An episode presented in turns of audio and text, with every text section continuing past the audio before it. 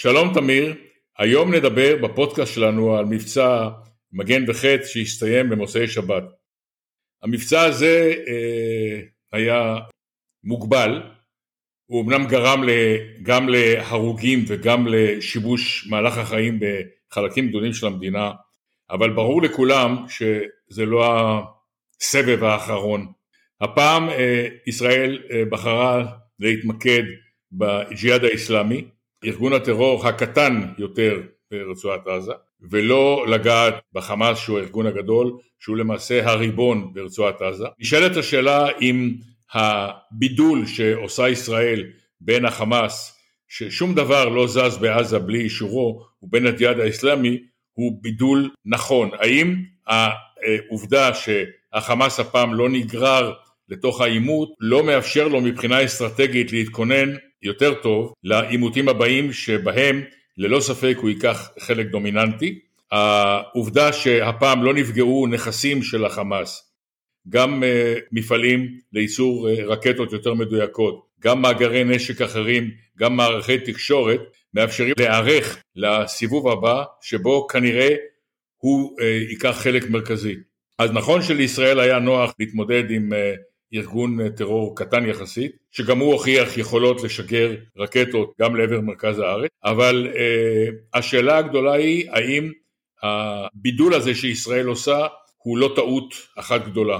מדי פעם אנחנו עדים לשיגורים של רקטות במסגרות של ניסויים לעבר הים מעזה, אותם עושה ארגון החמאס, הוא משפר את היכולות שלו, אין ספק שבסבבים הבאים יהיו בידי החמאס רקטות הרבה יותר מדויקות, הרבה יותר כבדות, הרבה יותר קטלניות. ופה אה, נשאלת אה, עוד שאלה אחת שהועלתה בימים האחרונים. לפני מספר שנים העלה שר הביטחון לשעבר אביגדור ליברמן רעיון להקים את חיל הרקטות או חיל הטילים הישראלי. כלומר, להקים כוח שיפעיל רקטות או טילים, טילי קרקע קרקע מדויקים לטווחים של כמה מאות קילומטרים כתחליף לשימוש בפצצות וטילים שיורה או משגר חיל האוויר. התוכנית הזאת ירדה מעל הפרק. יש אמנם שימוש ברקטות רקטות, אבל לא בצורה אה, מסיבית כמו שהייתה התוכנית המקורית אמורה להביא. במבצע כזה בעזה צריך לשאול את השאלה אם טוב שהתוכנית הזאת ירדה מעל הפרק, או שישראל צריכה לעשות חשיבה מחדש לגבי התוכנית הזאת, שכן בעתיד הלא רחוק, כנראה לארגוני המחבלים בעזה, גם לחמאס וגם לג'יהאד האיסלאמי, יהיו גם מערכות נשק נגד מטוסים. נכון שלחיל האוויר יש אמצעים לנטרול מערכות כאלה, אבל בכל אופן יהיה עליהם איום שהיום למעשה כמעט ולא קיים. אז נשאלות פה כמה שאלות אה, בעקבות המבצע, ולפי דעתי אה, מערכת הביטחון תצטרך לתת להם עליהם תשובה בזמן הקרוב. זה נכון שהיה, דובר היה בנושא של אה, חיל הטילים, נושא שלא לגמרי ירד מהפרק, אבל אני חושב שככל שהזמן עובר והטכנולוגיה משתפרת, מובן כאן שלא מדובר בהחלפה של אה, מערך אווירי במערך רקטי, אלא בהוספת נדבך, נדבך יכולות. אנחנו רואים את היכולות האלה, ראינו את היכולות האלה באוקראינה בצורה מאוד ברורה במתקפת הנגד של השנה שעברה. שהאוקראינים השתמשו ברקטות מתוצרתם וברקטות היימארס אה, מדויקות לתקיפה של מטרות בעומק במקומות ובמתווים שהם לא יכלו להפעיל כלי טיס, גם לא היה להם הרבה כלי טיס, והדבר הזה אה, היווה זרוע ארוכה מאוד מאוד חשובה לתהליך שהיה שם של אה, בניית המומנטום של ההתקפה והמניעה של היכולת הרוסית להטיל למערכה ארטילריה בכמויות גדולות.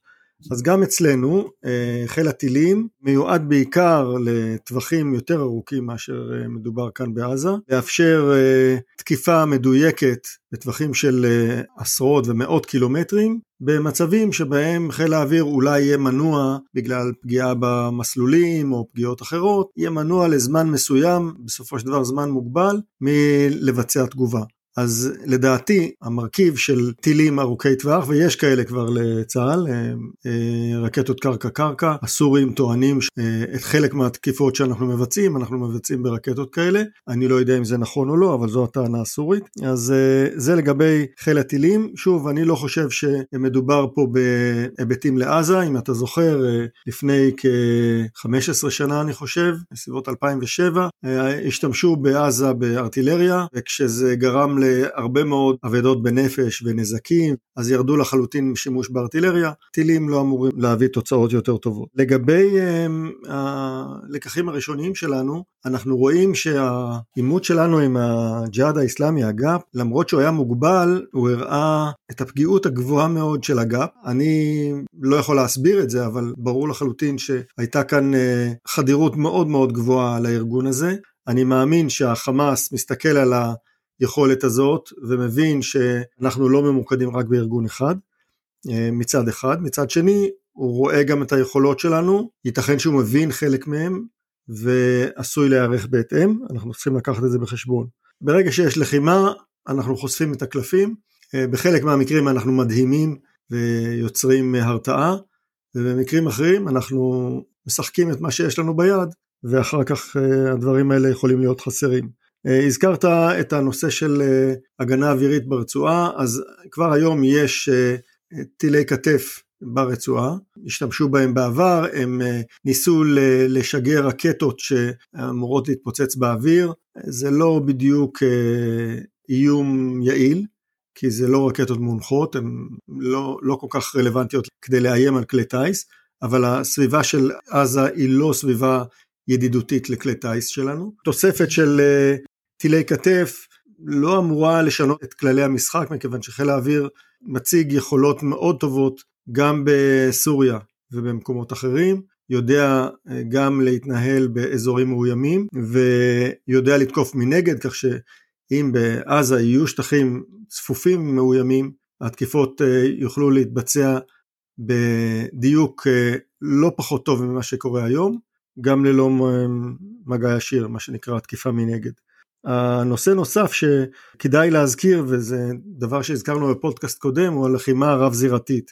היה לפני חודש בערך אה, עליהום גדול על הנושא הזה, שהנה כל הזירות מתלכדות בהנהגת איראן כדי לאיים על ישראל. העימות הזה, אנחנו ראינו שהגאפ נשאר לבד, אה, אף אחד לא, לא התגייס לעזור להם, למעט עידוד אה, מהיציע. צריך לקחת את זה בחשבון. בניהול פחות אה, יעיל ופחות אה, מושכל של הפוליטיקאים והמנהיגים אצלנו היו יכולים לגלוש ללחימה רב זירתית, זה האיום. מצד שני, יש בלחימה רב זירתית גם הזדמנות, מכיוון שאם היום אנחנו מוגבלים מאוד בתקיפה של ארגון אחד, בלחימה רב זירתית יש לנו למעשה איום על כל המדינה, אבל גם חופש פעולה לתקוף את אה, ראשי הנחש איפה שהם. כן, בהחלט, תמיר. אה, דיברנו אמנם על המבצע בפוקוס, אבל כמובן שהנושא הזה מעורר גם את השאלה, כמו שאמרת, העימות הרב-זירתי.